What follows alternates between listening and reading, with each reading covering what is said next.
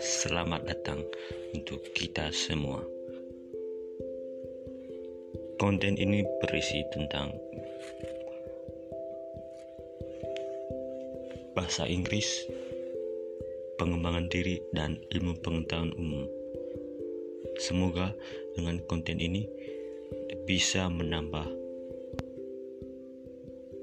pengetahuan kalian tentang tiga hal tersebut yang sudah saya ucap. Sekian dan terima kasih.